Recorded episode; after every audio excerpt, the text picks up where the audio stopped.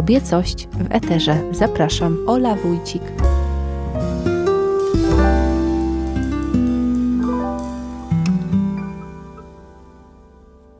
Proszę w słuchawkach, jak dwóch radiowców. Prawda? I po głosie to już słychać. A w studiu jest ze mną dzisiaj Maja Wąsała, kobieta niegdyś prawie święta, dzisiaj prawie zwykła. Z wykształcenia polonistka, logopedka, masażystka, muzyk, szkoleniowiec, spikerka radiowa i pisarka. Towarzyszy kobietom w pokochaniu siebie i swojego życia. Jest autorką powieści, drugiej powieści, którą trzymam w ręku, a za chwilę chyba trzeciej. Mamą szóstki dzieci również. Witaj, Maju. Witaj, Jolu. Tyle tych ról życiowych, chyba najbardziej w internecie, ale też w świecie jesteś znana jako opowiadaczka różnych historii, bajarka, baśniarka, nie wiem czy to się tak mówi. Czy mogłabyś mi opowiedzieć historię swojej kobiecości, bo o kobiecości tutaj będziemy mówić?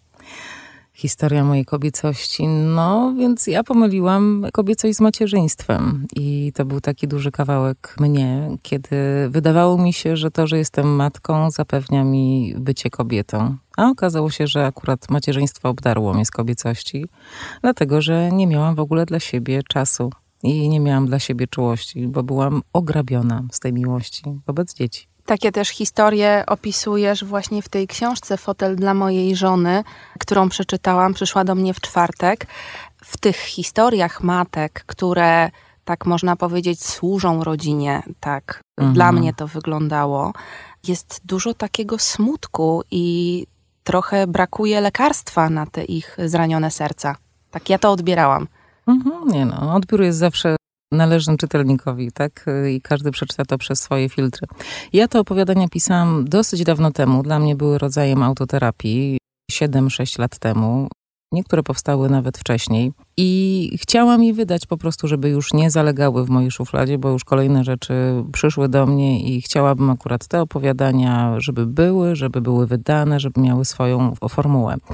Jeśli chodzi o, o to, że nie ma lekarstwa, ja uważam, że lekarstwem jest to, że kobieta opowiada taką gorzką prawdę o sobie, i nie wstydzi się jej i uznaje, że ten kawałek był jej potrzebny po to, żeby zobaczyła, że to nie jest ten kierunek i że zawsze może wrócić na jakąś swoją drogę. Bardzo często wiem, że teraz się mówi o tym, tak, że można coś zrobić, coś naprawić. My nie jesteśmy do naprawiania.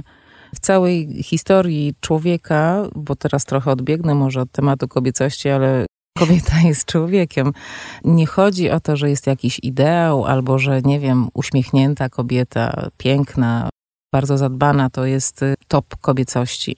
Bo kobiecość jest w środku. I dopóki my nie posklejamy wszystkich kawałków siebie, to no, możemy mieć świetny makijaż i piękne suknie i chodzić na masaż, ale w środku będziemy puste.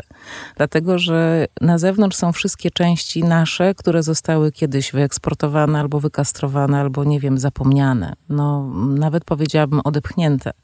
I kobiecość to jest takie zbieranie małych koralików, z tych części, które zostały przez nas zapomniane. I myślę, że pierwszym krokiem do uzdrawiania siebie, jeżeli nawet to jest trudna albo smutna historia, jest przyznanie się do tego, że ta historia właśnie tak wygląda. Hmm, bez oceny. A czy pamiętasz ten moment, kiedy ty zaczęłaś zbierać swoje koraliki? Jak to było? Mhm.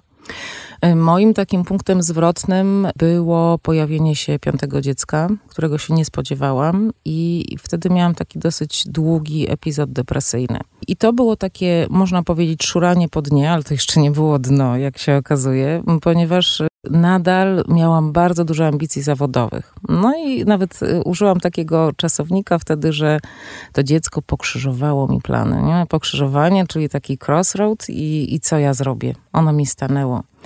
I to był taki dosyć długi proces, ponieważ to była córka, druga moja córka, więc ja też miałam taki moment w swoim życiu, że zobaczyłam, że można by było na chwilę się zatrzymać w tym wszystkim ale było we mnie jeszcze bardzo, bardzo dużo takiej presji, żeby realizować się na zewnątrz. Dlaczego? No bo tak właśnie zostałam nauczona, nie tylko przez rodziców, tak, ale przez różne kanony, w których żyłam i w których żyjemy nadal, których świadomie nie wybierałam, takich, że dopóki ja nie pokażę tej kobiecości na zewnątrz, jakoś, nie wiem, nie udowodnię, że jestem kobietą spełnioną, kobietą sukcesu. Mm, zwróć uwagę, że tutaj cały czas dodaję coś do tej kobiety, jakby bycie samą kobietą nie wystarcza. Bycie matką jest niewystarczające. Nawet często sobie myślę, że takie pytania, które dostawałam, kiedy byłam z dziećmi w domu, no ale co ty robisz? Czym ty się zajmujesz? I kiedy ja odpowiadałam, wychowuję dzieci, to było niewystarczające. Oczywiście ostatnie lata, kiedy jest już duża zmiana w świadomości, dokonały takiej zmiany, tak, że bycie w domu wcale nie oznacza, że ja nie pracuję. To jest właśnie bardzo, bardzo duża praca, bardzo duży wkład. Tak naprawdę kobieta, która jest w domu, można powiedzieć, że utrzymuje całą rodzinę. W tym sensie, tak jak osoby prowadzące warsztaty trzymają przestrzeń, tak kobieta trzyma przestrzeń dla innych, tak? Mają gdzie wracać, mają co jeść, mają się do kogo przytulić, czyli ona jest jakby takim akumulatorem. I dla mnie ten okres, kiedy ja po raz pierwszy zrozumiałam, że bycie kobietą albo bycie matką jest wystarczające, tylko że ja sama muszę jakby wynagrodzić się za to nie w sensie finansowym, tylko właśnie pozwolić sobie na odpoczynek. To jest ta równowaga, której dzisiaj kobietom brakuje, bo one dużo dają na zewnątrz, a coraz mniej dają sobie i się wypalają. I to był taki mój pierwszy moment zatrzymania, gdzie zrozumiałam, że jeżeli będę biec, to tak naprawdę nigdzie nie dobiegnę i nigdy nie dobiegnę, bo nie ma celu. Nie ma celu w takim życiu, gdzie ciągle się coś udowadnia. Tak naprawdę ciągle jesteśmy w biegu. A jeżeli ktoś biegnie, no to nie ma mety, nie ma, nie ma celu. Musi być moment, kiedy się zatrzymujemy i mówimy: Fajna robota, dobrze to zrobiłaś.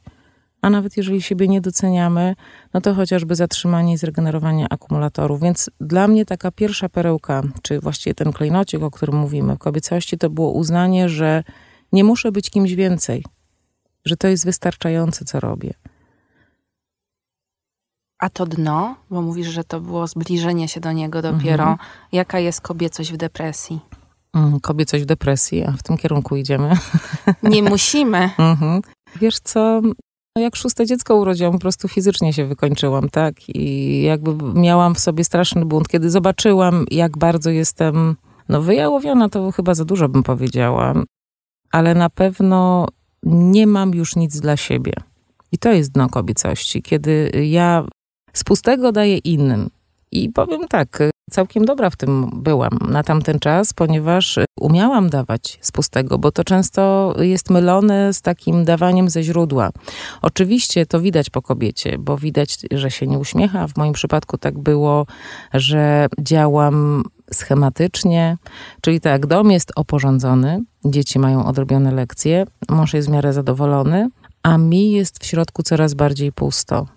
Na przykład zapominam o tym, co kiedyś kochałam, albo co mnie napełniało, co sprawiało, że ja kolejnego dnia chciałam wstawać i czekałam na ten moment, kiedy będę robić rzeczy, które są dla mnie przyjemne. Bo kiedy robię takie rzeczy, które są dla mnie przyjemne, okazuje się, że to jest jak trochę wrzucanie takiego kamienia do jeziora, do rzeki i on zatacza coraz szersze kręgi i jakby ta przyjemność też zaczyna się przenosić na wszystko, co robię bo po prostu mam po co żyć i, i tym celem nie są dzieci, nie jest mąż, nie, nie jest rodzina. Tym celem jest po prostu urealnianie siebie, takiej swojej największej potrzeby wyrażania siebie, tak jak ty tutaj jesteś w radiu i to jest dla ciebie jakiś rodzaj spełnienia, tak? Odkrywanie tej kobiecości z innymi kobietami poprzez rozmowy. Tak, dla mnie okazało się takim spełnieniem, czy rodzajem wyrażania siebie, no, było chociażby pisanie opowiadań, baśni, opowiadanie ich, y, czyli tworzenie poprzez słowo. No ale ze zmęczenia y, i z takiego wyplucia siebie zapomniałam o tym. I powiem ci, że mam niesamowity radar, jeśli chodzi o kobiety, które są wyjałowione. Jednak bardzo mi jakoś to określenie pasuje. Czyli ty mówisz kobiecość w depresji albo depresja w kobiecości, tak? Obojętne, no bo to zobacz, że nawet są obydwa... Y, Uzupełniające się pojęcia. Tak, poza tym obydwa mają rodzaj żeński, tak? To, co ja widzę, kiedy czuję, że, że kobieta już nie ma dla siebie, to jest twarz pozbawiona emocji. To naprawdę bardzo szybko widać, jeżeli się na to uczulisz. No Zakładamy i, takie maski. Tak, takie maski właściwie, które no już nic nie wyrażają, tak? Albo wyrażają jedną stałą emocję i, i nie można na niej zbudować, no bo rozmowę czy spotkanie na czym budujemy? Na tym, że wyczuwamy, tak, jest jakiś vibe albo chemia, albo no coś nas interesuje, ekscytuje i, i dzięki temu ta rozmowa płynie.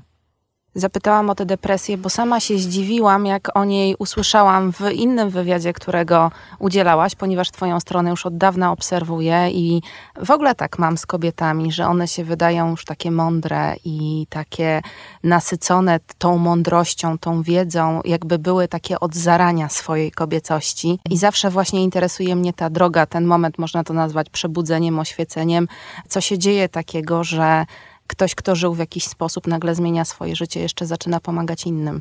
Chodzi ci o taki moment przełomowy, tak? Kiedy mhm. jakby w ogóle to kliknęło. Wiesz co, właśnie ciekawe, bo wczoraj miałam rozmowę z synem, został dzisiaj z mm, trójką młodszych dzieci, dlatego że mąż pojechał na Mazury i on mówi tak, ma 25 lat. Według mnie jest bardzo młody, tak? W moich kategoriach takiej dojrzałości, czy właściwie mądrości. Ale jest, w zasadzie on się urodził i miał 60 lat. w sensie mentalności, ludzie. tak, tak. I on zawsze był bardzo obowiązkowy, odpowiedzialny. Naprawdę mogę zawsze na niego liczyć. I jak z nim zostawiam dzieci, jestem bardzo spokojna. Co jest bardzo rzadko, bo on już pracuje od dawna. I wczoraj mówi, wiesz mamo, mam cele życiowe, wiem jak będzie wyglądała moja praca w najbliższych latach, wiem ile muszę uzbierać, żeby kupić mieszkanie, mniej więcej wiem kiedy wezmę ślub, ale wiesz co, ostatnio poczułem, że kurczę, po co to wszystko? I powiedział mi, że zobaczył taki moment, czy takie puste miejsce w swojej przestrzeni, gdzie on nie za bardzo wie, czy nie zadaje sobie pytań, dopiero zaczyna to robić, czy tam jest poza tym coś więcej w życiu, nie? czy jest jakaś głębsza warstwa. No i powiem Ci tak, ja taki moment poszukiwań miałam, wydaje mi się, że około trzydziestki. Dlatego, że pomiędzy 20 a 30 rokiem życia wszystko, co się działo na co dzień, było bardzo intensywne dla mnie, bo zdążyłam do trzydziestki urodzić trójkę dzieci. To dużo mówi o pierwszym temacie, o którym mówiłyśmy, czyli ja jakby udowadniałam przez rodzenie, że jestem bardzo kobieca, tak? Czuję, że moja podświadomość miała taki program, żeby, no tak, bo mleko, piersi, brzuch, nie, no to jesteś kobietą, kochana. Studiowałam, pracowałam, uczyłam obcokrajowców polskiego, potem uczyłam w szkole, najpierw angielskiego, potem polskiego. I około trzydziestki ja miałam taki pierwszy kryzys, w zasadzie tak dopiero z perspektywy to nazywam, czegoś, czego mi bardzo brakowało. To było trochę z lęku, z takich programów powiedzmy katolickich jeszcze, czyli no ale, ale gdzie ten twój Bóg? I tak czułam, że te wszystkie sprawy, nazwijmy w cudzysłowie duchowe, ważne, głębsze, one są na marginesie. Powiem ci tak, przyszedł taki moment i to było koło trzydziestki, gdzie ja trochę jeszcze z takiej małej dziewczynki, wystraszonej, no trójka dzieci, więc też decyzje dotyczące wychowania, no dobra, no to wprowadzamy Boga w nasze życie, bo zrozum, że ja tak żyłam przez te powiedzmy pierwsze 10 czy 12 lat mojego dorosłego życia, czyli no trochę jak mój syn, czyli tak odhaczałam, nie? Dobra, zawód jest, wykształcenie jest, dzieci są, mąż jeszcze jest, nie? I zrobiło mi się takie miejsce trochę z poczucia winy, a jeszcze ta działka Bóg jakby jest trochę nieobrobiona, nie? No to ciach i zabieramy się za to. I weszłam wtedy trochę głębiej w katolicyzm, ale nie ten taki oficjalny, tylko w różnego rodzaju wspólnoty. I wydawało mi się, że znalazłam coś głębszego ale takie bardzo przejmujące uczucie, które miałam, to było takie, że robię dokładnie to samo, co robiłam wcześniej, czyli spełniam pewne zobowiązania, wypełniam pewne reguły, stosuję się do pewnych kanonów, ale nadal mam rodzaj pustki. Pociągały mnie wtedy bardzo różne rzeczy: szamanizm, zwierzęta mocy, różnego rodzaju rytuały, medycyna roślin, ale miałam w sobie tak strasznego, karcącego Boga, który zresztą wyhodował się na tym katolicyzmie, że ja sobie bardzo zabraniałam eksplorowania tych wszystkich rejonów. Nie będziesz miał bogów cudzych przede mną. No, no, jak tutaj, nie? Jakaś ayahuasca albo, albo zwierzę mocy. Nie, nie, nie, nie. W ogóle nie. Poza kakałem ceremonialnym jeszcze nie, dlatego, że jakby muszę mieć przestrzeń w postaci większej ilości czasu, tak? Czy takiego momentu. Nie, nie. Rozumiem tego karcącego Boga, jak mhm. nam powiedziano, że mamy tylko słuchać tego, co ksiądz nam przymówi. Tak, tak. Tak, i powiem ci, że to jest taki duży kawałek o odpuszczaniu w życiu karcących głosów w postaci takiego Boga, którego sobie właśnie gdzieś w środku zrobiłam. Głosów moich rodziców. Byłam bardzo długo sklejona z rodzicami, jakby byłam taką bardzo podporządkowaną dziewczynką, co bardzo kastrowało mnie z mojej kobiecości. Tak jakby, gdybym mogła to powiedzieć, to moja kobiecość była bardzo schowana. Ja byłam matką i żoną i córką, ale na pewno nie byłam kobietą i te trzy komponenty absolutnie to aż muszę przeczytać to, co sobie tutaj wypisałam. Mhm. Kiedy słyszę o tych wszystkich walkach z patriarchatem, robię jedno, wydobywam z siebie to, co w sobie kocham. Femme fatale, dziwka, królowa i bawię się każdego dnia. Kto podskoczy wyrafinowanej kobiecie? Dziwce, królowej w jednym. No kto? Tu jest tylko miejsce na zbieranie szczęki. Walka zawsze powoduje ofiary. Hmm. Kiedy zajmujesz właściwe miejsce i przestajesz siebie kwestionować, świat wokół ciebie kładzie się u twych stóp. To są twoje słowa. Patrz, myślałam, że kogoś cytujesz. Margaret Atwood albo kogoś innego. Nie. Fan fatal, dziwka królowa. Mm. Ale przerwałam ci, wróćmy do tej. -hmm. Nie, no, no jakby przez Kościół najbardziej wyklęte i wydziedziczone części kobiety, tak? Czyli kobieta kochanka, która pokazuje swoją seksualność, kobieta, która nie boi się próbować i eksplorować seks, pokazywać ciało, ale też kobieta, która walczy. Przecież kobieta, która siedzi w domu, przede wszystkim służy, bo od tego zaczęłyśmy, od tej służby, prawda? Oto ja Gorzej służ... niż w klasztorze. Oto ja służebnica pańska, tak, tak. Z klasztoru możesz wyjść, a jako matka masz zobowiązanie w postaci dzieci, które no, jest zobowiązaniem krwi i ono jest, ma zupełnie inną kategorię niż składanie ślubów słownych, bo, bo to jest po prostu ślub i miłość twojego ciała i tam też wchodzą w grę bardzo głębokie więzi tak? No przecież komórki macierzyste krążą moich wszystkich dzieci w mojej krwi do końca życia. Tam jest coś więcej niż tylko to, że ja urodziłam, bo ta więź się buduje bardzo długo. Przełom był taki, ponieważ te dzieci do mnie przychodziły, no i właśnie jakby ta trójka ostatnich dzieci zrodzonych z drugiego miotu, no bo jak wilczyca. Jak wilczyca, tak. Dwa mioty. Jeden był bardzo taki z grzecznej córeczki kobiety, bo ja byłam wtedy bardzo pro i, i, bardzo zaangażowana. I pierwsze dziecko z tego ostatniego miotu, tak, ono jeszcze było bardzo w takim duchu, oto ja otwieram się na życie ale dwójka to już poszła, ja nie planowałam, nie chciałam i one jakby zostały mi wrzucone. Z tego otworzenia się na seks? Ze wszystkiego, ze wszystkiego na życie. No, no, seks to jest też życie przecież, prawda? To jest element życia. Nie, nie, nie jakaś czynność fizjologiczna podporządkowana prokreacji, tylko połączenie, przepływ miłości, dotyk, czułość. Tego jest znacznie więcej, prawda? Natomiast Kościół mam wrażenie, że seksualność ograniczył do prokreacji, to okrytej bardzo mocno wstydem. To nie chodzi o to, że katolicyzm zrobił mi kuku. To też sobie bardzo długo musiałam wyjaśnić. To ja sobie zrobiłam katolicyzmem krzywdę, wkładając się w taką szufladkę matki oddanej dzieciom, żony, która dba o to, żeby w domu mężowi było dobrze. No i przede wszystkim kobiety, która w jakiś sposób się wstydzi na każdym kroku, że zrobiła nie tak, tak? Bo tych reguł bycia poprawną żoną i dobrą matką, szczególnie w Polsce, tak, tak, jest dużo. One są niepisane.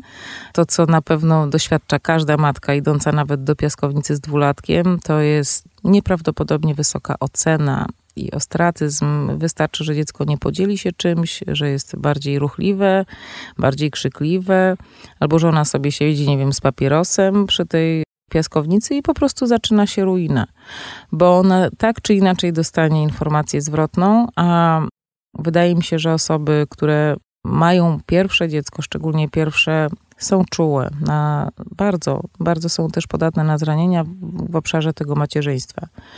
Więc ja jestem teraz w takim momencie, że mam już tą dwójkę ostatnich dzieci i wiem, że to jest dla mnie za dużo i zaczynam dostrzegać, że dałam się wrobić, tak, że jakby zgadzając się na to wszystko, no powiem wprost, w kościele antykoncepcja jest przecież zakazana w każdej postaci. Nawet dzisiaj, no naprawdę dzisiejszy dzień to jest jakby całe pole informacji. Przed moim wyjściem mój syn oglądał Claire. Ja nie widziałam tego filmu. Jakoś mnie nie ciągnie, natomiast no usiadłam z nim, bo piłam kawę i widziałam taki fragment, gdzie młoda kobieta, dziewczyna, która pracuje na parafii dla księdza, jest z nim oczywiście w ciąży.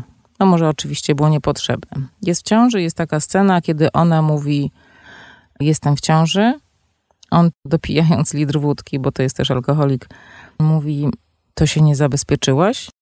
I ona wtedy mówi, wiara mi nie pozwala. Więc ten worek wiary, który powiedzmy w, w katolicyzmie mam wrażenie, że duchowość została zastąpiona wiarą. Masz wierzyć w to, co my ci podamy, tak? Jak będziesz rodzić dzieci, to będziesz błogosławiona. Jak będziesz dobrą żoną, to wejdziesz do nieba, wymarzesz wszystkie grzechy. I to jest cały czas jakby miłość warunkowa, która jest kłamstwem.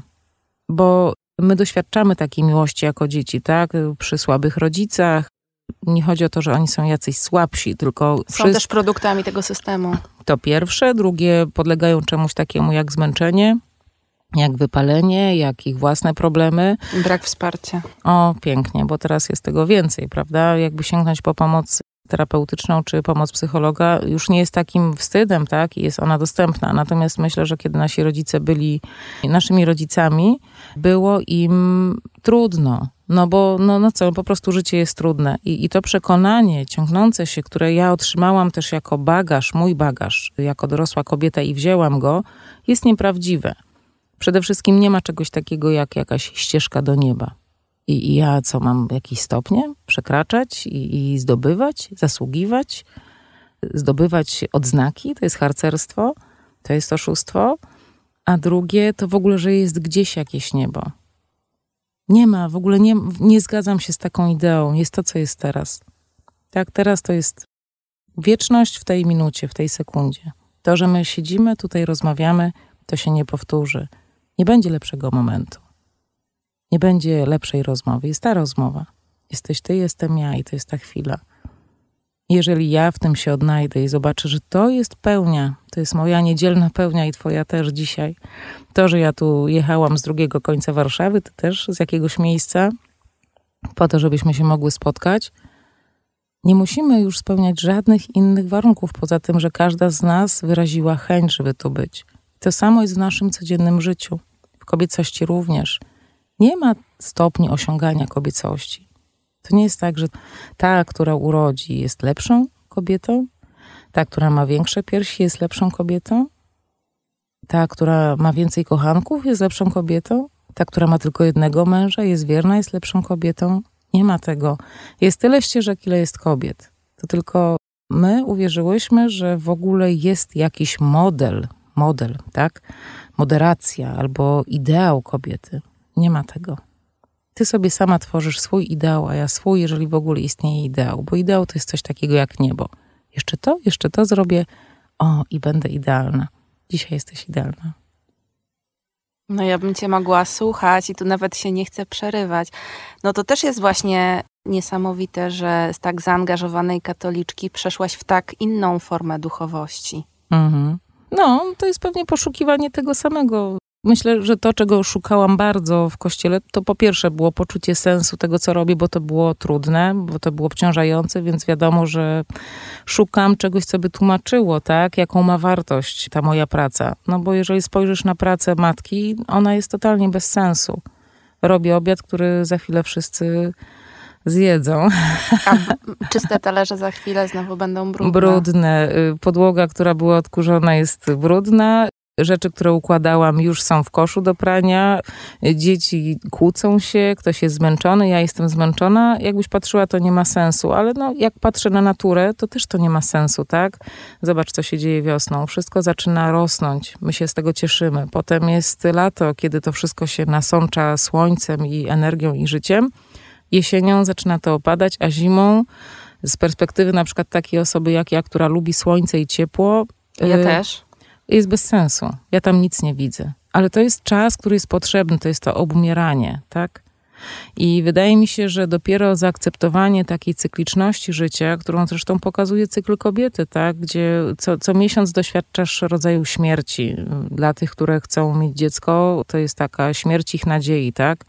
Dla kobiet, które akurat w ogóle nie myślą o dziecku, to może być śmierć i wkurw, zdenerwowanie na to, że znowu mi to jest niepotrzebne, dzisiaj ci to jest niepotrzebne. Ale tak naprawdę cały cykl pokazuje, że podlegamy nieustającej zmianie. I wydaje mi się, że w moim przypadku ten pierwszy kontakt no, z taką duchowością, która była mi dostępna, czyli z Kościołem, był poszukiwaniem jakiegoś głębszego sensu wszystkiego, mojej fizjologii, moich obowiązków, tych, które podejmuję. W związku z tym na ten moment miałam tylko takie narzędzia, ale ponieważ jakby pojawiało się tak bardzo dużo pytań we mnie, no, no dobrze, ale co na przykład z zazdrością, która jest zakazana, jakoś, prawda, jest oceniona? A co ze zdradą? A co jeśli ja nie kocham swojego dziecka? A co jeśli ja przestaję kochać mojego męża? Co ja mam zrobić? Czy to jest koniec, czy to jest tylko obumieranie? I myślę sobie, że Kościół nie odpowiedział mi na te pytania, ponieważ nakazywał mi miłość, a miłości nie możesz nakazać. Możesz zrozumieć, że ona się zmienia. To tak jak zimą, tak? Kiedy jest już ten taki najgorszy kawałek zimy, kiedy drzewa w ogóle nie mają liści, są czarne, nie ma już śniegu, nie ma jeszcze nic zielonego i jest taki moment, że ja przestaję mieć nadzieję, że będzie lepiej, bo też nie ma słońca. Ale to jest ten moment, kiedy muszę zejść do swoich korzeni i zobaczyć Maja. Co roku to się zdarza, zobacz. To przychodzi. Trzeba chwilę poczekać. I to nie chodzi o to, żeby koniecznie kochać i czekać stan, który będzie zaraz. Właśnie to obumieranie i to takie ogołocenie, chociażby z miłości albo z tego słońca, to jest po to, żeby zobaczyć, że my też mamy takie ciemniejsze kawałki siebie, jak chociażby brak miłości, załamanie, depresja, jeżeli jesteśmy wokół tych ciemniejszych kawałeczków. To jest ten kawałek nas, ten cień, który nie jest gorszy i zły. I nie można go zakłamywać, mówiąc: A teraz to ty masz kochać. Ty zepnij poślady i kochaj, bo ty po to tu jesteś. Ty masz pokochać właśnie te kawałki. Nie tą osobę, do której już nie żywisz tego uczucia, tylko to, że tak się czujesz, czyli po prostu włączyć dużo troski, dbałości i czułości o siebie. I tego Kościół nie uczy. Każe kochać na zewnątrz. W tym wywiadzie też mówisz, że poszukiwałaś nawet na takich rekolekcjach w milczeniu i gdzieś ja też miałam bardzo podobne refleksje, bo też na nich wylądowałam. Tylko tamtej ciszy nie było, żeby rzeczywiście usłyszeć te kawałki siebie. Mhm. No, tak, tak. To były w ogóle kilka razy byłam na takich rekolekcjach ignacjańskich, a potem trafiłam finalnie na takie powiedzmy łączone, gdzie było dużo ciszy, ale też było sporo medytacji. No i tam tak, tam mi się otworzyło słyszenie, które mam wrażenie, no akurat w tym miejscu to usłyszałam, ale w zasadzie to był taki początek mojego odejścia od kościoła, gdzie zrozumiałam, że wszędzie usłyszę ten głos. I to były te zdania, które często powtarzam. To zdanie jedno, już się tak nie staraj, które naprawdę słyszałam, ono było we mnie, tak, to wołanie i, i poza mną, tak jakby byłam zanurzona w tym zdaniu. Jeżeli powiem też na głos albo przyjacielowi, przyjaciółce, mężowi: Słuchaj, coś się we mnie złamało, ja już nie mam siły. I tylko tyle. Wydaje mi się, że w dobie kobiet, o których mówimy, kobiet sukcesu, gdzie my musimy tak dużo przymiotników albo rzeczowników dodawać, nie? Kobieta spełniona, kobieta sukcesu, szczęśliwa kobieta, jakby samo słowo trzon kobieta jest niewystarczające. Wstydzimy się powiedzieć, jest gorzej, w sensie jest słabiej. I to nie oznacza, że ja mam. Bo świat mówi to napraw to, to tak, idź po tabletki, tak, tak. to idź na dietę. Tak, tak. A tutaj nie chodzi o to właśnie, żeby to naprawiać, podciągać, nie wiem, wyszczuplać, pogrubiać, robić inne fitnessowe rzeczy, taki fitness duszy bym powiedziała. Tylko chodzi o to, żeby trochę pobyć w tym stanie. I to nie po to, żeby chodzić po dnie, tak, i doświadczać największej melancholii życia, tylko po to, żeby zrozumieć, że to jest taki obszar, gdzie ja też jako kobieta się regeneruję.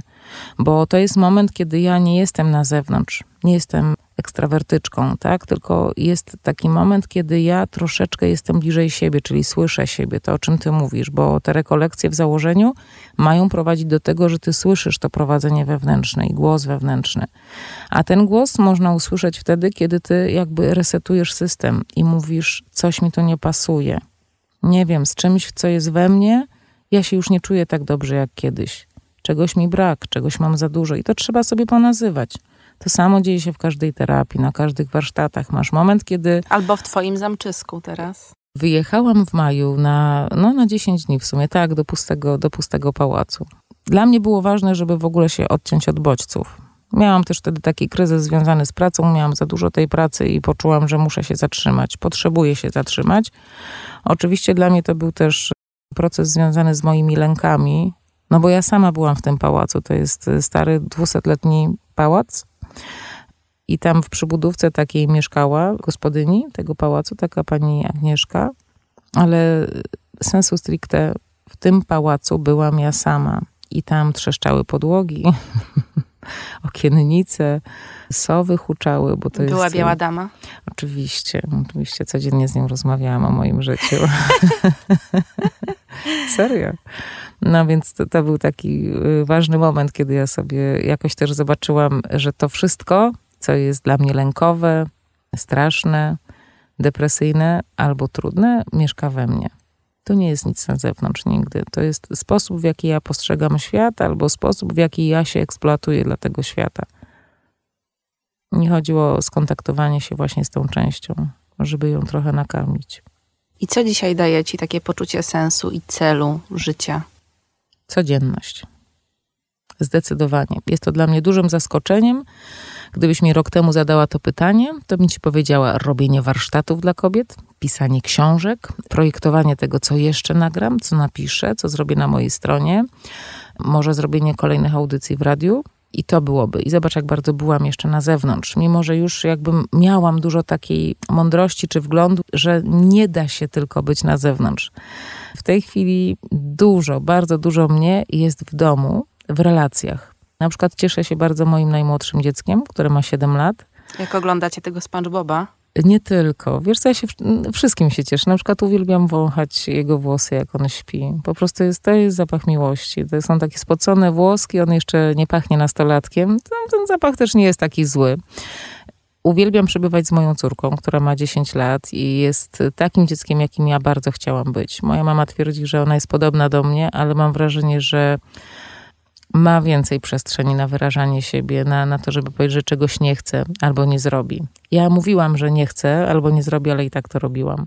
A ona ma tak, że, że może, więc też ma dużo bardzo pomysłów. I wiesz, no, szczerze powiedziawszy, ja mam teraz 48 lat. Myślę, że kobiety z pokolenia mojej mamy były już babciami w, w moim wieku. No bo tak było, że one wcześniej były tak, bo kiedyś dziewczyny wcześniej rodziły dzieci. No powiedzmy pięćdziesiątka, teraz to wszystko jest poprzesuwane. Ale ponieważ ja przeszłam jakby bardzo intensywnie ten cykl macierzyński, tak, szóstka dzieci, urodzona tam na przestrzeni 27 lat, ja mam wrażenie, że wchodzę w taką fazę bycia babcią, ale ponieważ mój organizm jest dopiero co zregenerowany po tych wszystkich ciążach i porodach, to łączę takie dwa poziomy z jednej strony to, co ja czuję w sercu, że małe dzieci są ok, dlatego że one już mnie tyle nie kosztują. Ja wiem, że zaraz będzie taki moment, że one pójdą z tego domu. Nie w tym sensie, że będą miały 18 lat i pójdą, tylko one już będą budowały swoje własne światy z kolegami, z koleżankami, będą y, przeżywały dojrzewanie, zamykanie się w emocjach, potem może otwieranie się, ale to już nie będzie ta relacja, którą ja mam okazję teraz jeszcze podoświadczać. I to jest taki ostatni moment, że to dziecko po prostu chce być ze mną dla zwykłego bycia. Ono nie chce być po to, żebym ja mu książkę czytała, czy żebym ja, nie wiem, z nim lekcję odrabiała, czy żebym grała w gry. Tego też chcą. Ale sedno tego wszystkiego, czym ja się dzisiaj cieszę, to jest to, że po prostu jesteśmy w sposób bezproduktywny.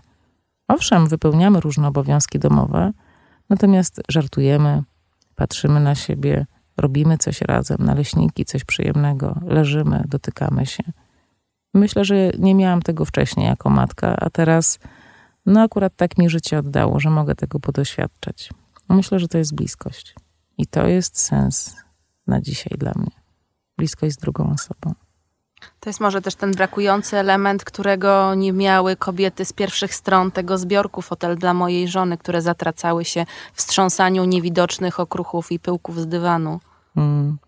One się po prostu zatraciły. I to jest ten moment, o którym mówimy, że no niestety, dopóki jakby nie zaakceptuję swojej historii, nie zobaczę, tak, zaszłam, nie wiem, w kozi róg, tak, albo jest taki moment w moim życiu, że to życie nie sprawia mi radości nie uśmiecham się, w ogóle nie mam emocji żadnych do moich bliskich, do siebie. Nie jestem z tym blisko i chcę przede wszystkim uciec. Chcę być daleko. Jeżeli jestem daleko od swojego życia, to nie zbuduję bliskości. Ani nie z tym dotykasz życiem. życia wtedy. No nie dotykam życia, dobre, dobre. No, no tak, tak. Fajna jest ta uwaga twoja, że rzeczywiście tam nie ma tego remedium. Trochę mnie to zatrzymało. Ja mam 30 lat, nie mam męża, nie mam dzieci i też mam wokół siebie trochę takich koleżanek. Mam też trochę innych, takie, które już mają dzieci i rodzinę i tak dalej. Ale tak sobie myślę, że oprócz tego, że spełniamy się zawodowo, robimy tam różne rzeczy, możemy wydawać pieniądze na siebie, dla siebie i robić trochę to, co ty przywracasz tym uciemiężonym kobietom, to gdzieś to życie rodzinne, posiadanie własnego dziecka, domu i męża wciąż jest marzeniem i że jakoś widzę w tym wartość i mam wokół siebie kobiety, które też o tym marzą. Może to nie zawsze musi być tak bolesne. Mhm. Nie, nie, ja, ja, uważam, że jak najbardziej posiadanie rodziny, spełnienie się w macierzyństwie i w budowaniu bliskich relacji jest mega potrzebne, bo my w tych relacjach najbardziej się poznajemy, siebie, siebie właśnie. Jakby w, w samotności, czy owszem, można się spełnić zawodowo, ale praca jest albo jej nie ma, prawda? Natomiast kiedy zakładamy rodzinę, czy bliskie związki, mierzymy się rzeczywiście ze swoim całym potencjałem i z tym, jak przeżywamy codzienność bo pracę możesz kontrolować, prawda? Fitness, jak się zapiszesz, możesz. Kupienie sukienki, czy jakby zorganizowanie życia wokół takich gadżetów, możesz też skontrolować. Relacje to jest coś, co nie podlega w ogóle kontroli, dlatego że to płynie, to jest bardzo zmienne. Jazda bez trzymanki. Oczywiście. I wtedy poznajesz cały swój potencjał, jak najbardziej. No bardzo, powiem ci, biorę sobie do serca to, bo teraz jestem w trakcie redagowania takiego zbioru baśni, stricte baśni. E, tytuł to jest Ogród Wariatki. Jest to 12 baśni transformujących dla kobiet.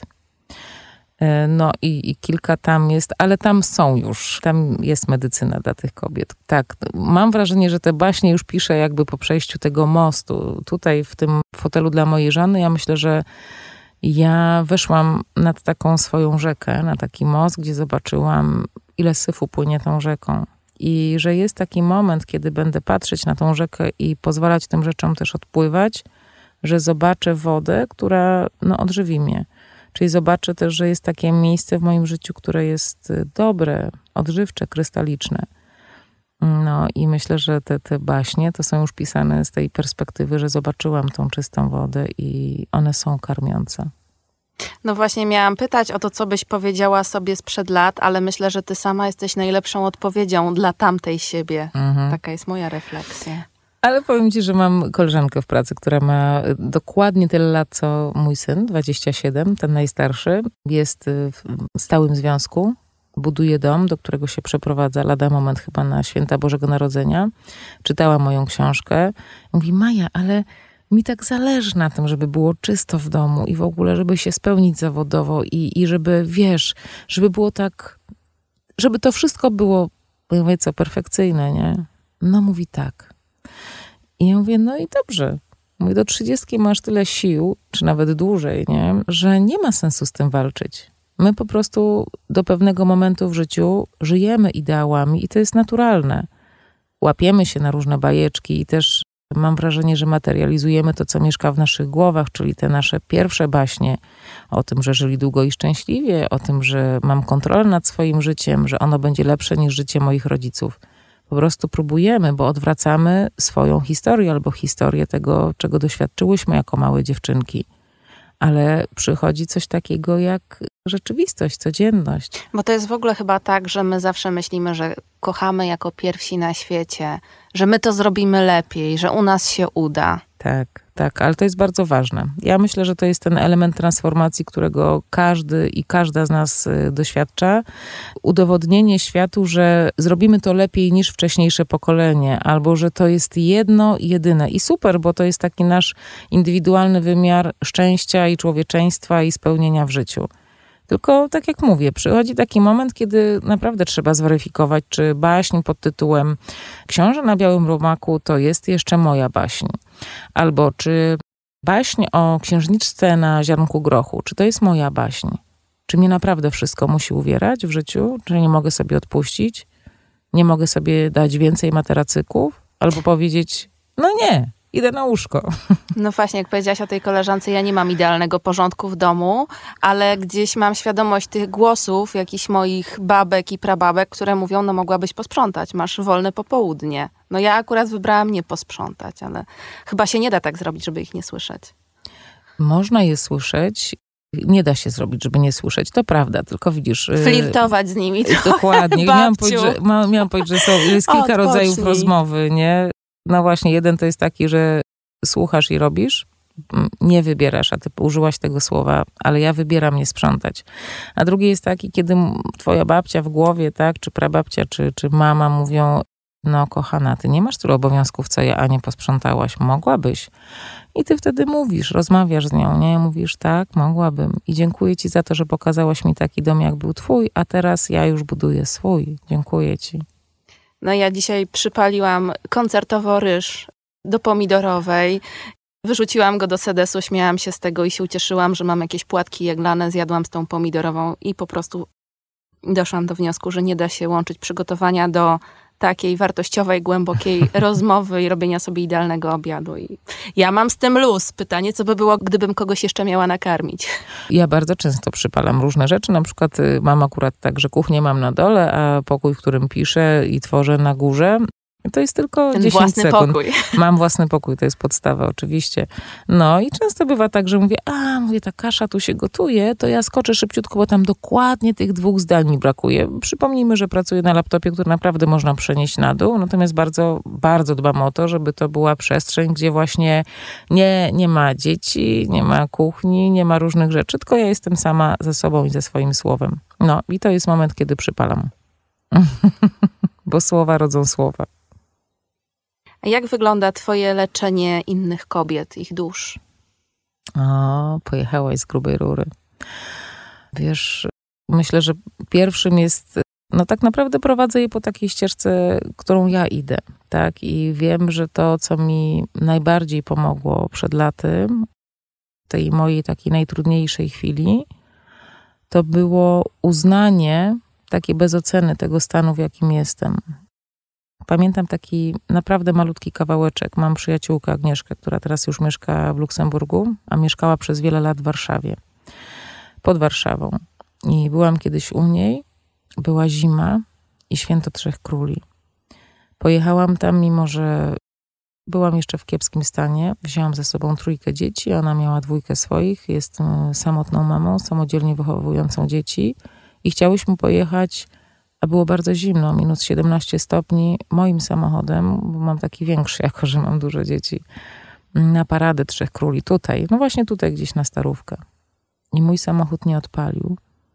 I ja zadzwoniłam do męża, żeby mi pomógł. Oczywiście moim marzeniem, ponieważ jeszcze żyłam wtedy w baśni o królewiczu na białym koniu, było no jak? No ten, kto kocha, to on powinien właśnie przy tych minus 17 wsiąść, przyjechać z nowym akumulatorem i odpalić mi ten samochód. On powiedział, że nie, nie przyjedzie, że powie mi, co mam zrobić, ale no, no tyle, ile może to zrobi, ale to jest raczej rozmowa przez telefon.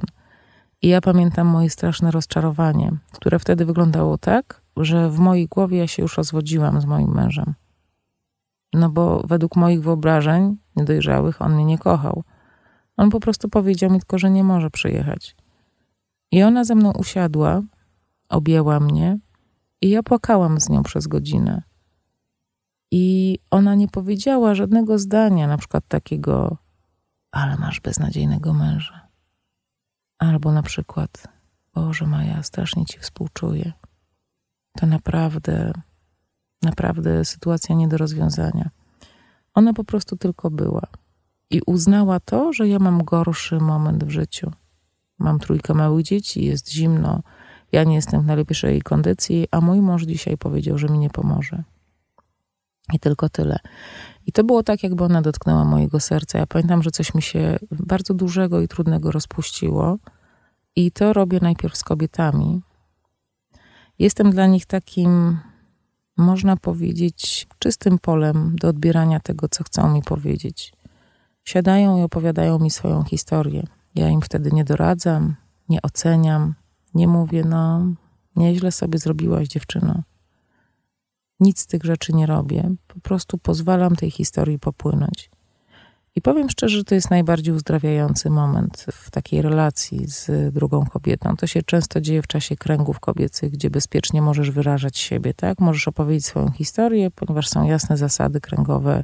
Nie oceniam, nie doradzam, nie mówię ci, że masz kiepsko, nie daję ci gotowych rozwiązań I okazuje się często, że wypowiedzenie na głos tej historii o sobie, tej, której my się najbardziej wstydzimy, tego kawałka, jest już uzdrawiające, bo to, czego pożąda wstyd, to jest zamykanie się.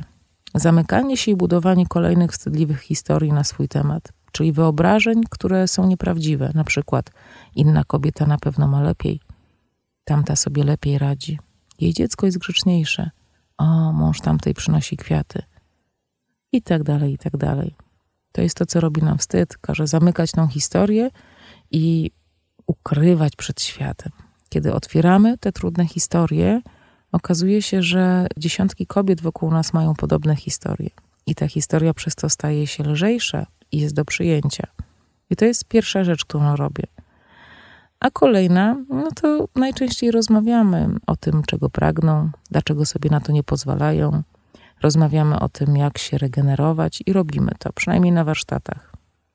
W pracy indywidualnej wygląda to trochę inaczej.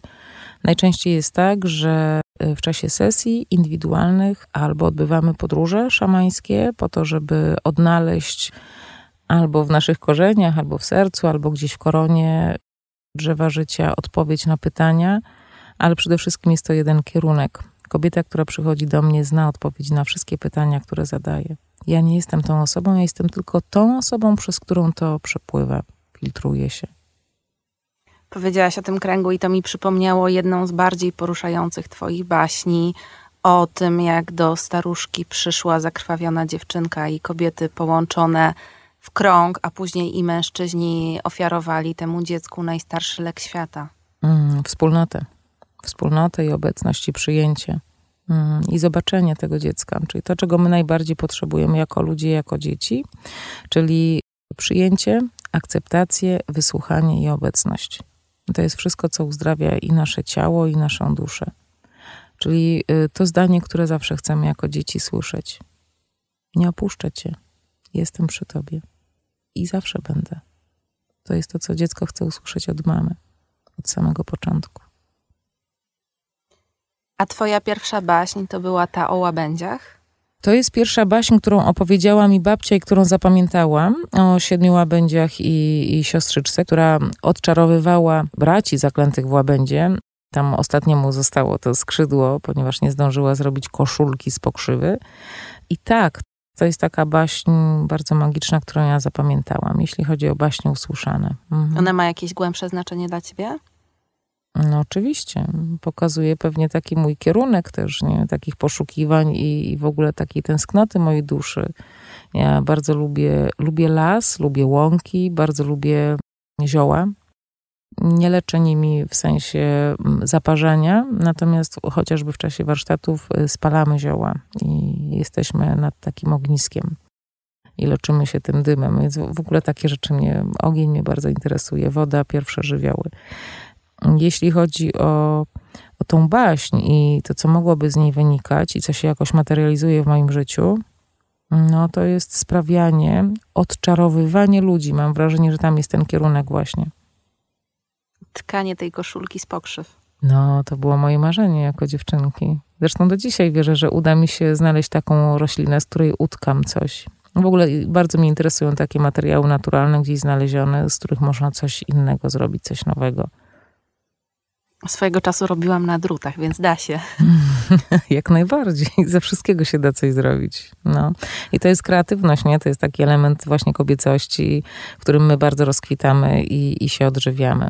Powiem ci, że dwa albo trzy lata temu namalowałam ponad 50 mandali. Malowałam je dzień w dzień, po prostu siedziałam i oczywiście oprócz tam rzeczy, które robiłam. No i to był moment, kiedy się nauczyłam, czy właściwie rozpoznałam, co to jest medytacja i takie zagłębianie się w siebie, korzystanie z ciszy, która jest we mnie. Gdzie okazało się, ja wstawałam od tej mandali i już wiedziałam, jaki będzie kolejny rozdział w mojej książce. Wiedziałam, jak zareagować na kłótnie moich dzieci. Jakby właśnie w tej ciszy przychodziło najwięcej rozwiązań. No wyprzedasz moje pytania, bo chciałam zapytać, jak te historie do ciebie spływają, bo leczysz baśniami, to jest takie niespotykane w tych mhm. różnych kobiecych drogach. Mamy zielarki, mamy masażystki, a ty leczysz poprzez opowieści. Powiem ci tak, że do mnie najwięcej wątków baśniowych spływa w trakcie snów. Ja często czuję się jako osoba śniąca, bo są osoby śniące. Osoby śniące to są osoby, które po, przede wszystkim pamiętają dobrze sny, chociaż to jest akurat trening. Też y, to od razu mówię zawsze do osób, które mówią, ale ja nic nie pamiętam. Mówię, może pamiętasz kolor, może pamiętasz emocje. Mówię, zacznij od tego, zapisuj codziennie. No i osoby śniące mają taki specyficzny dar. Jeżeli jesteś taką osobą, to jest olbrzymi dar. To jest... Śnił mi się nasz wywiad, zanim do niego doszło. Ciekawa jestem, jak sobie porównasz treści z wywiadu i ze snu, ile tam będzie wspólnego. Na pewno jakiś rytm emocjonalny, bo to tak najczęściej jest, że się wyświetla jakaś emocja. Więc ja często jak wstaję i spisuję sny i wiem natychmiast, że z tego już jest baśń gotowa. Często jest tak, że na przykład widzę jakąś sytuację gdzieś w pracy czy w domu, jakieś jedno zdanie słyszę i to jedno zdanie to jest fundament do całej baśni. W czasie warsztatów czasami kobiety opowiadają mi swoje historie i kawałki tych historii, oczywiście za ich przyzwoleniem, używam albo buduję z nich dłuższe historie. Dzisiaj to powiem tak. Te baśnie wszystkie mają źródło w polu informacji, czyli w polu energii, w którym my jesteśmy stale zanurzeni. Stephen King mówił, to też zadano mu kiedyś pytanie, no ale skąd te pomysły na te jego horrory, nie? I tak dalej. On mówi, no jak? No mówi, są takie szczeliny, one się otwierają i jeżeli ty z tej szczeliny nie wyjmiesz tego, bo ta szczelina się otwiera dla ciebie jako pisarza czy twórcy, no to zrozum, że ta szczelina się zamyka i ona się już ponownie dla ciebie nie otworzy. Tylko A to dla też w totalnej osoby. magii to pisała Elizabeth Gilbert. Mhm, tak, jakby tak działa kreacja, nie? Ona się otwiera na pewien moment i ten sam pomysł, tak, bo ona tam nawet chyba opowiada o historii powieści, której ona nie wykorzystała i który się pojawił gdzieś, inna kobieta napisała tę samą powieść i ona gdzieś musiała się otrzeć o zwykłe ludzkie emocje, jak zawiść, rozczarowanie, żal, a potem zrozumiała, jak działa kreacja czy sztuka, czy wezwanie tak zwane, tak?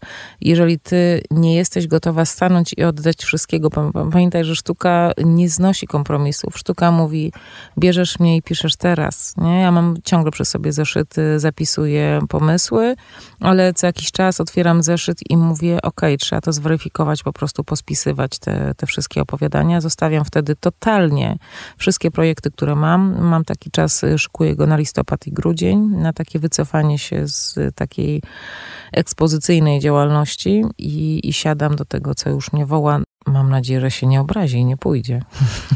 Ale to znów odpowiedziałaś na moją myśl. Dwa dni temu miałam taką piękną myśl na spacerze. Nie spisałam jej. Nie ma. Po Nie prostu ma. ziemia rozstąp się. Mhm. No, trzeba też umieć puszczać, bo, bo to jest ważna sztuka. W ogóle sztuka puszczania się jest bardzo ważna. tak. To jest sztuka przede wszystkim. Tak? My, my żyjemy często w takim poczuciu, że jak sobie pewien fundament zbudujemy, czy zabezpieczymy różne rzeczy, Kurczowo. tak, to wtedy będę szczęśliwa i wtedy nic mi się nie stanie. I to też jest pragnienie małej dziewczynki, której nikt nie skrzywdzi. Tak jak zresztą dzisiaj mówiłyśmy, w cykliczności kobiety zapisana jest zmiana. W czterech porach roku zapisana jest zmiana i jest taki moment, że, że nawet to, co uznałyśmy za bardzo bezpieczne i nasze, po prostu umiera. I z kreacją jest bardzo podobnie, ze sztuką jest podobnie, z pomysłami na książki, na opowiadania.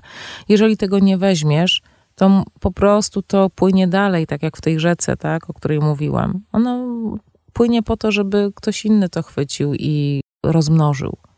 Jak plemniczek. No ale też jakaś taka to jest umiejętność Mhm. wejścia w cudze buty, bo tutaj właśnie czytając o tych bohaterkach, to już ona jedna i na raka umarła, druga. Dobrze, nie powiemy tego, żeby nie spoilerować. W każdym Mhm. razie, no, trochę jakbyś przeżyła kilka życiorysów No, ale każdy z nas przeżywa kilka życiorysów. dzięki tym bohaterom. jako czytelnik, czytelniczka, tak, zawsze tak jest, nie? Bo każda książka to jest życie, y, które możesz sobie przyjąć, przeżyć, jeżeli wywoła w tobie emocje. No? Dobra sztuka to jest taka, która właśnie te emocje w tobie wzbudza i przypomina ci, czym ty jesteś i jakby jak twoje serce potrafi czuć. Angażujesz się i, i chcesz, albo nie chcesz, albo walczysz, albo mówisz nie, nie, nie rób jej tego. No więc to jest dobre pisanie. Ale jak to jest, że my jesteśmy w stanie mm, jakby przeżyć kilka żyć, tak? No bo ja czuję się kobietą dzisiaj, tutaj siedząc razem z tobą, która przeżyła bardzo wiele żyć. Uświadamiając sobie, co przeżywamy. Bo kiedy ty masz dla siebie empatię i uświadomienie, bo uświadomienie to nie jest nic innego jak poszerzenie świadomości i poszerzenie tak zwanego miejsca obserwatora w sobie, czyli ja owszem żyję taką codziennością, no i wtedy powiedzmy często się ta bezrefleksyjność włącza, no po prostu z automatu robimy pewne rzeczy, ale to o czym tu kilkakrotnie mówiłyśmy, czyli budzenie się świadomości, przebudzanie, oznacza, że zaczynasz sobie zadawać różne pytania, ale jak, ale to jest wszystko? Ale, ale w ogóle to się tylko tak odbywa, nie ma tu nic więcej? i włącza ci się nagle obserwator, czyli ktoś, kto w ogóle patrzy, ale patrz, ona teraz robi jajko na miękko, zobacz, ona pisze książkę, zobacz, ona płacze. A pamiętasz wtedy? I nagle ten obserwator obserwuje bardzo wiele momentów różnych w twoim życiu i otwiera ci takie tak zwane współodczuwanie, czyli taki powiedzmy umiejętność tego, żeby przestać siebie oceniać, bo my tu wielokrotnie dzisiaj o tym mówiłyśmy o tym. I jeżeli ty wobec siebie zaczynasz otwierać, można powiedzieć, taką bramę współczucia, to strasznie brzmi, inaczej bym to nazwała. Ramiona. Można się przytulić, to też jest już może wyświechtane, ale tak, proste i tak. zapomniane tak. wciąż można przytulić siebie, można przytulić te trudne kawałki, nie? Bo mówiłyśmy o tym, że te kawałki chodzą po świecie i takie są niechciane i, i teraz ja mówię, nie, mówię, chodźcie do mnie, widzę ciebie, widzę ciebie, widzę ciebie. Wizję, chodźcie do no, mnie. O, koniecznie, to codzienna modlitwa artysty, nie? Otwieram się na szczeliny twórczości przychodźcie, wszystko spiszę. W każdym bądź razie powiem ci taką rzecz. Jeżeli otwierasz się na siebie, a ja tak rozumiem miłość, nie? To, to też wyświechtane hasło y, pokochaj siebie. Usłysz siebie, obserwuj siebie, przyjmij te trudne kawałki siebie, to mamy możliwość otwierania się na historię innych osób po to, żeby z nimi naprawdę empatyzować. I każda przyjęta historia, która trochę jest tak, że jest wysłuchana, trochę przylatuje przez ciebie, ale my mamy nasze serce jak taką filiżankę, na której jest taki osad, nie? A teraz taki kubek mam przed sobą, patrz, wypiłam czekoladę, ale dalej jest osad. To te wszystkie historie są jak taki osad. I one sprawiają, że ty jesteś bogata w te historie. I możesz się czuć tak, jakbyś przeżyła wiele historii. Jak poczujesz, to znaczy, że przeżyłaś, mimo że to nie jest twoje życie. Naprawdę dzisiaj dużo osób ma zamknięte serca, nie tylko na siebie, ale też właśnie na wysłuchanie cudzej historii. Dlatego ona jest cudza. O czym będzie Mała Wiedźma? Mała Wiedźma to jest książka, która jest w 50% napisana, ponieważ piszę ją trochę inaczej niż dotychczasowo, notatkowo, czyli całe sceny sobie spisuję. Mam też już część ilustracji do tej książki, bo tak jak w poprzedniej książce maluje jej Moka Szymankiewicz i otrzymuje ode mnie nagrane na dyktafonie takie kawałeczki i robi do tego ilustrację. E, Mała Wiedźma to jest historia dziewczynki, która rodzi się w dosyć trudnej sytuacji życiowej. Mianowicie rodzi się w rodzinie, gdzie nie ma ojca, a matka jest słaba, jest wycofana. Jest babcia, która jest bardzo ofensywna. Ale mała wiedźma rodzi się z niesamowitym darem, bardzo dużej empatii, otwartego serca, swoich własnych umiejętności, jest bardzo wrażliwym dzieckiem. Wrażliwe dzieci super się rozwijają, jeżeli mają empatyczne osoby, które są w stanie dać im dużo przestrzeni do przeżywania. I ona nie dostaje takiej przestrzeni, ponieważ babcia zakuwa ją w różnego rodzaju reguły, zasady, ponieważ obawia się, że to dziecko, tak jak matka, będzie kiedyś słabe przez swoją wrażliwość. Nie rozumie wrażliwości. I mała wiedźma stwarza sobie taką przestrzeń. Ma na imię Marita. I od najmłodszych lat stwarza różnego rodzaju miejsca ukryte przed babcią, których może doświadczać swoich światów wewnętrznych, może sobie udowadniać, że to nie jest tak, że one są w jej głowie. One są naprawdę i ona naprawdę widzi. Widzi różnego rodzaju postacie, z którymi rozmawia. Wykorzystuje taki swój dar magii, transformacji, który ma. I wie, że to jest prawdziwy świat, mimo że musi go ukrywać przed babcią. To jest ten element, o którym ja często mówię i rozmawiam z kobietami Dopóki coś ukrywasz, boisz się i tego wstydzisz, nie możesz z tego czerpać swojej mocy. A kiedy to jest ujawnione, nie tracisz energii na, na wstydzenie się. I w tym kierunku zmierza mała wiedźma. I otrzymuje fantastyczną okazję, gdyż babcia zachoruje.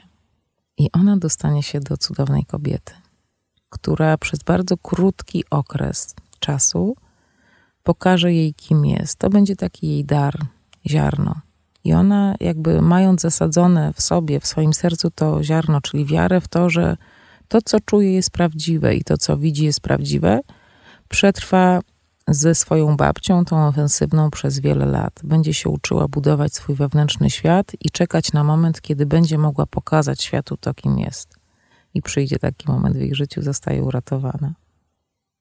Ta historia to jest w jakiejś części z tego, co czytałam na grupie, również Twoja historia mhm. z dzieciństwa. Tak. Ale też zapraszasz do współtworzenia tego projektu Inne Kobiety.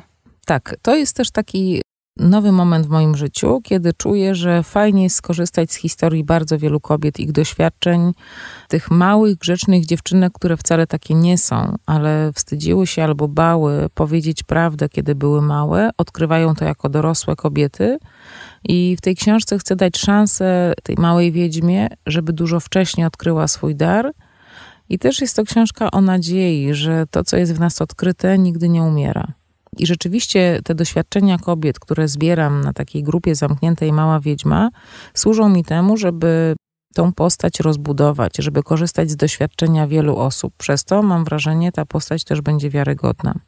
Oczywiście każda postać jest wiarygodna, nawet ta, która powstaje tylko i wyłącznie poprzez tą szczelinę, która otwiera się dla mnie i otwiera mi świat mojego bohatera. Ale tutaj przy tej małej wiedźmie usłyszałam bardzo wyraźne zawołanie, żeby zebrać doświadczenia różnych kobiet odnośnie ich doświadczeń bycia osobą wyjątkową, dziewczynką wyjątkową, obdarzoną dużą wrażliwością, nawet zdolnościami magicznymi, które były tłumione i tłamszone, kiedy były małymi dziewczynkami. A jaka była mała Maja? Mała Maja. Mała Maja była taką dziewczynką, która bardzo łatwo się złościła. Tak, miałam bardzo duży dar wyrażania złości, natomiast ta złość nie była przez nikogo przyjęta. W związku z tym musiałam ją jakoś schować i nauczyć się, że możesz się pozłościć, ale i tak zrobisz to, co chcę.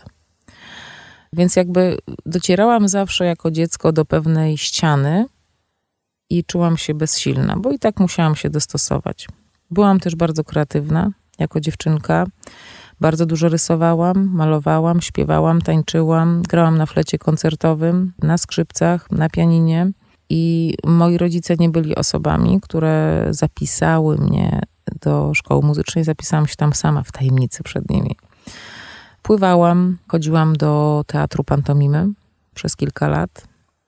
No i pisałam to było jakby taki rytm bardzo wczesny tego mojego pisania i wyrażania się przez pisanie, przez opowiadania, przez baśnie.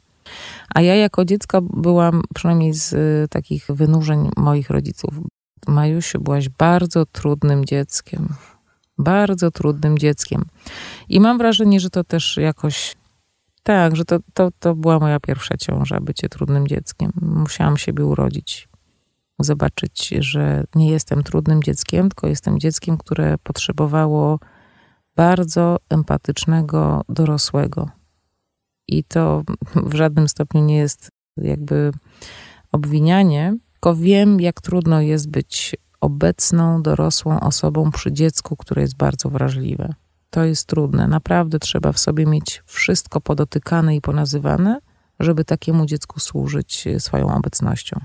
No współcześnie mówi się o tym więcej, ale to z kolei ja mam wrażenie, że te dzieci się zamyka pod łatką jakiejś diagnozy. ADHD albo jakieś właśnie. No, teraz najbardziej modna etykieta to jest WWO, tak, czyli wysoko wrażliwe osoby. No właśnie, tak jakby diagnoza sprawiała, że, że problem został rozwiązany, ponieważ otrzymamy receptę albo zbiór reguł do postępowania z taką osobą, tak? Czyli ja otrzymuję instrukcję do tego, żeby ta osoba była dobrze obsłużona albo dobrze zrozumiana. Przez to ja rozumiem, że nadal jestem w głowie, a nie w sercu. Jeżeli... Poszłam na zajęcia do nowego ucznia w czwartek i mama mi zostawiła na biurku wydrukowane sterty papierów o tym, jaki jest ten chłopiec. Ja tak tylko mhm. rzuciłam okiem na to. Dużo więcej dowiedziałam się z relacji tego chłopca. Oczywiście. No, tak. Nie pytałam go, co mu dolega, absolutnie. Sam mi powiedział, że jak się denerwuje, to dzieje się to i to, a jak mhm. wraca ze szkoły przebodźcowany, to kładzie się na nim kot i już mu wszystko przechodzi. Mhm, mhm. Czyli jest samoświadomy i sam wie, jak, jak sobie pomóc. Poza tym, powiem ci, mam takie doświadczenie jeszcze z czasów, kiedy byłam nauczycielem, kiedy na przykład dzieci przechodziły z trzeciej do czwartej klasy, nie? I tam był wychowawca w klasach 1-3. Pamiętasz taki moment? I potem nagle w czwartej klasie jest kilkoro nauczycieli.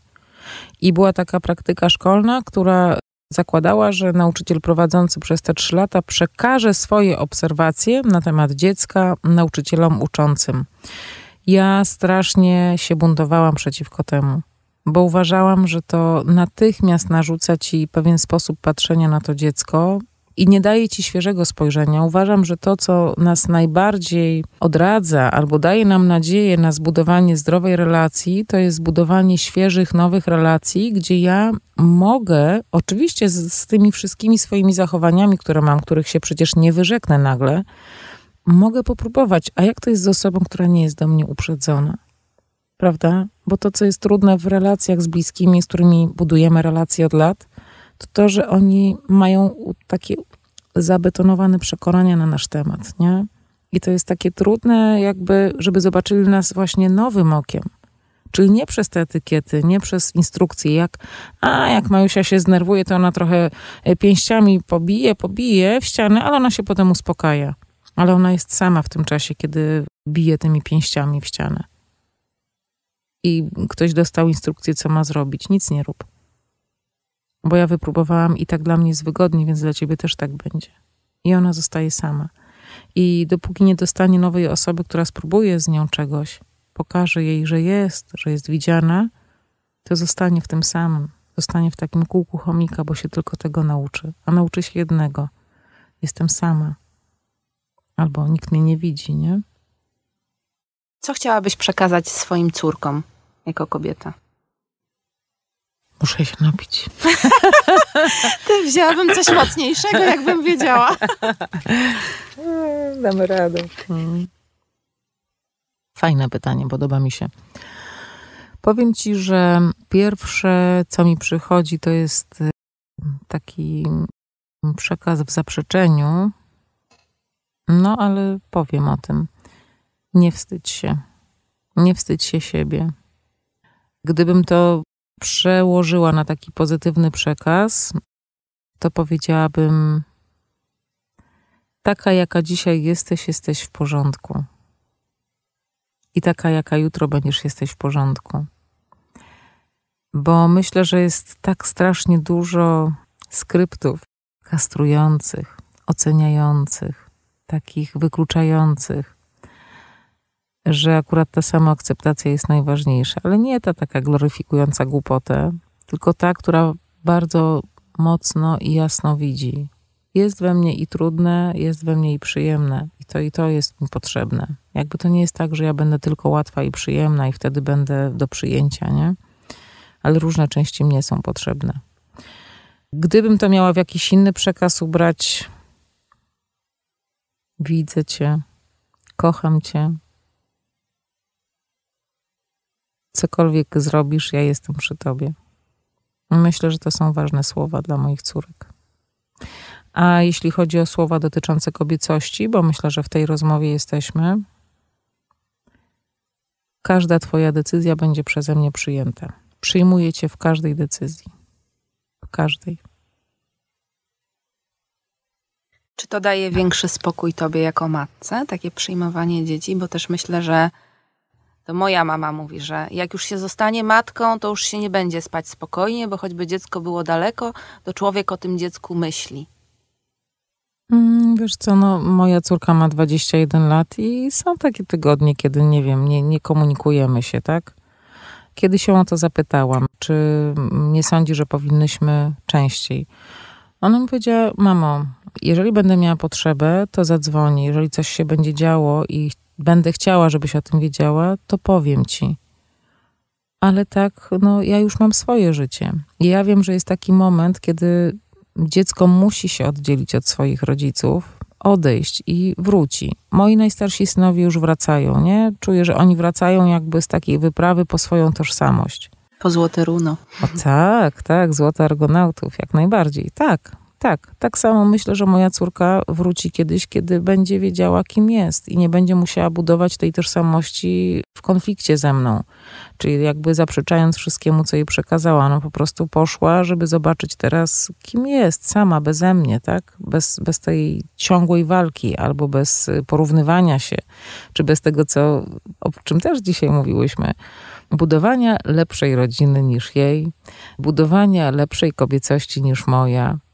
Jest taki moment, kiedy nastolatek buntuje się, buduje sobie tożsamość w oparciu o konflikt z rodzicami. Bardzo naturalne i bardzo normalne, ale potem jest moment dalszego odejścia i kiedy ja już nie stawiam oporu, bo mnie nie ma w polu jakby najbliższym, to on ma szansę naprawdę wejść do środka i zobaczyć, kim jestem, czego chcę, czego potrzebuję, dokąd zmierzam. Nie w oparciu o to, co dostał ode mnie albo czego nie dostał, ale w oparciu o to, czego on potrzebuje i o czym pragnie. No. A wychowywanie synów różniło się od wychowywania córek? Tak. Na przykład bardzo to się różni pod koniec sierpnia.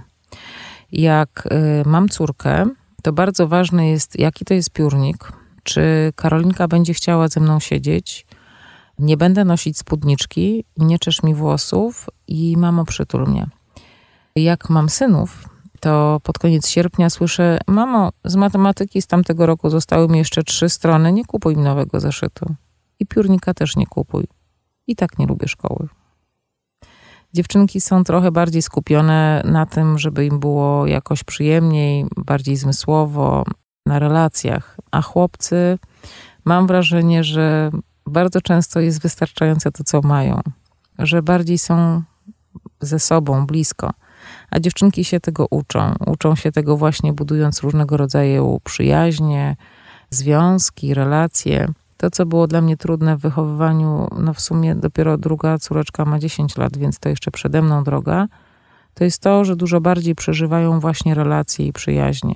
I dla mnie jako matki jest bardzo ważne, żeby nie projektować na nich tego, co ja czuję jako matka, jak ktoś im zrobi krzywdę, tylko żeby pozwolić im przeżywać i zdobywać takie doświadczenie jakby solo. Ja mam tylko tam być. Chłopcy są bardziej zamknięci, przynajmniej moi synowie bardziej byli. Jeden jest bardzo otwarty, ale z nim mam troszkę inną relację. A tak na ogół nie dowiem się, co było w szkole, nie dowiem się, co powiedział najlepszy kolega. Od dziewczynek wiem bardzo dużo, dużo mówią, dużo więcej. Ale też pomyślałam o takim aspekcie, może to głupie takie porzekadło, że chcesz mieć idealnego mężczyznę, to sobie go musisz urodzić i wychować. Aha, to znaczy, że co, że, jak, że, że, jak, że syn może być jedynym moim idealnym mężczyzną? Nie, no, że mhm. jako świadoma kobieta możesz być też matką świadomych mężczyzn na przykład. Mhm, mhm. Zgadzam się. To znaczy, ja zawsze mówiłam, matka wychowuje tak naprawdę przyszły materiał dla swojej synowej, za który ona ją będzie nienawidzić albo kochać. Albo się z nią będzie, nie wiem, no przyjaźnić, jeżeli, jeżeli akurat tak by się zdarzyło. I powiem tak, to co jest najgorsze w przypadku synów, taka tendencja, którą widzę, u siebie też ją miałam przy pierwszych synach, to jest wyręczanie. Żeby było szybciej, żeby było prościej. Chłopcy dużo łatwiej wyrażają złość albo niezadowolenie Dziewczynki odwrotnie. One się dostosują. I choćbyśmy nie wiem, ile robiły my jako kobiety z kolejnych pokoleń, to mam wrażenie, że bardzo płynie w naszej krwi to, co nam przekazują nasze matki, prababki, bo no, to jest taki przekaz tego dostosowania i tego usługiwania. Dlatego nam jest tak trudno odmówić, zrobić inaczej, popróbować inaczej. Pewnie obecne pokolenie już jest trochę odważniejsze, nie? Natomiast niepisany przymus, powiedzmy w momencie, kiedy ja wchodziłam w dorosłość, no jak? Ale to co, ona tak sama? Wiesz o co chodzi? To dalej jest. To dalej jest, ale jest to, wiesz, jakby troszeczkę już jest ciszej. Wiesz o co chodzi? U mnie była taka sytuacja, przynajmniej z tą córką najstarszą, że ona, tak jak i ci starsi synowie, była doświadczona wielodzietnością naszej rodziny. Nie, nie naznaczona, ale doświadczona, no bo oni nam pomagali. I cała ta trójka mówi, że nie planuje dzieci w najbliższym czasie, bo oni po prostu od podszewki poznali, co to jest, że to nie, nie są pampersiki i dzidziuś uśmiechnięty w różowym kocyku, tylko to jest odpowiedzialność i zobowiązanie. I to jest praca. I że to nie są łatwe decyzje. Że to może być piękne, ale do tego przynajmniej dwie osoby są potrzebne i to w miarę przytomne i ogarnięte. I powiem tak, nigdy nie zapytałam mojej córki, czy planuje dziecko, czy chłopak, z którym chodzi, to jest jej materiał na męża. W ogóle nie mam takich pokus, nie? żeby nawet stawiać ją w ogniu pytań, które w jakiś sposób też ją ocenią albo zobowiążą. Dla mnie spokojnie może nie mieć męża, nie mieć chłopaka, nie wiem, nie budować związków przez najbliższych czas. To jest jej życie. Ona, ona po to odchodzi z domu, żeby na nowo odnaleźć swoją tożsamość, żeby siebie określić. Nie dlatego, że ja będę naciskać, ale dlatego, że ona już odzyskała swoją przestrzeń. Więc wiesz, nie umiem się odnieść do, do tego pytania do końca, co, jakie są doświadczenia, kiedy wychowuje się chłopców, kiedy dziewczynki. Myślę, że w przypadku wychowania dziewczynek, córek, moja kobiecość jest bardziej wystawiona.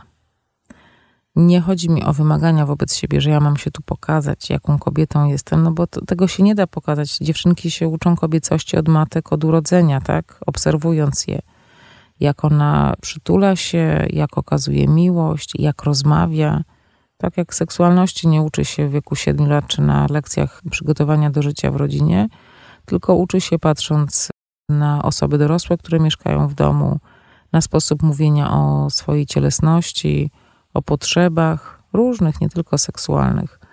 Więc myślę, że jeżeli kobieta jest świadoma, a ja w pewnym momencie zaczęłam mm, być bardziej świadoma tego, y, że to, co mówię, to, co robię, to, jak się wyrażam, to, jak traktuję siebie przede wszystkim, tak? Czy jestem tą służącą, czy jestem kobietą, która pozwala sobie na odpoczynek, uznaje na przykład to, że nie ma sił, to myślę, że w przypadku kobiety świadomej zwiększa się poziom odpowiedzialności za to, że tworzy albo daje wzór kobiecości swojej córce. Szczególnie jeśli chce, żeby ta córka była szczęśliwa. Czyli stawia ją w obliczu trudnych pytań. Czy cieszysz się kobiecością? Czy to jest dla ciebie ważne? Jak wyrażasz siebie jako kobietę? Czy kochasz siebie jako kobietę? Czy ten wzór bardzo się różni od tego, który ty dostałaś od swojej mamy? O, bardzo. Moja córka podkreśla to na każdym kroku. Mhm. No bo ona zna swoją babcię. Jasne, tak, tak, tak. Myślę, że dużo przetransformowałam i, i że pozwalam sobie na więcej. Śpiewam y, bardzo często przy gotowaniu. Czasami gotuję tylko w fartuchu i majtkach. bardzo często nie gotuję. Nie sprzątam. Moja mama absolutnie musiała mieć posprzątane. Nie wiem, czy to nie jest jedna z większych zmian takich międzypokoleniowych. Gotuję w garmażerce dwa razy w tygodniu. Wolę usiąść i poczytać niż iść na imprezę, na przykład, nie? Jak jestem zmęczona, odmawiam, jestem w stanie odwołać imieniny albo imprezę rodzinną. W tamtym roku odwołałam święta u nas. Powiedziałam, że jestem zmęczona i tego nie uniosę. I myślę, że pokolenie mojej mamy nie było w stanie tego zrobić. No jak? Jak możesz tak rozczarować? Maja. Mogę. Przecież to są święta. Tak. Święty Mikołaj nie przyjdzie. No, czytam opłatek, ale jak grono rodzinne i te sprawy. No, pamiętam, że to było trudne dla mnie, ale zrozumiałam, co to znaczy przekraczać siebie, nie? Kiedy usługujesz wszystkim wokół i nagle czujesz, nie mam z czego dać. Po prostu jestem tak zmęczona. Pamiętam taką śmieszną sytuację a propos zmiany tego schematu. Bardzo lubimy z mężem pić kawę.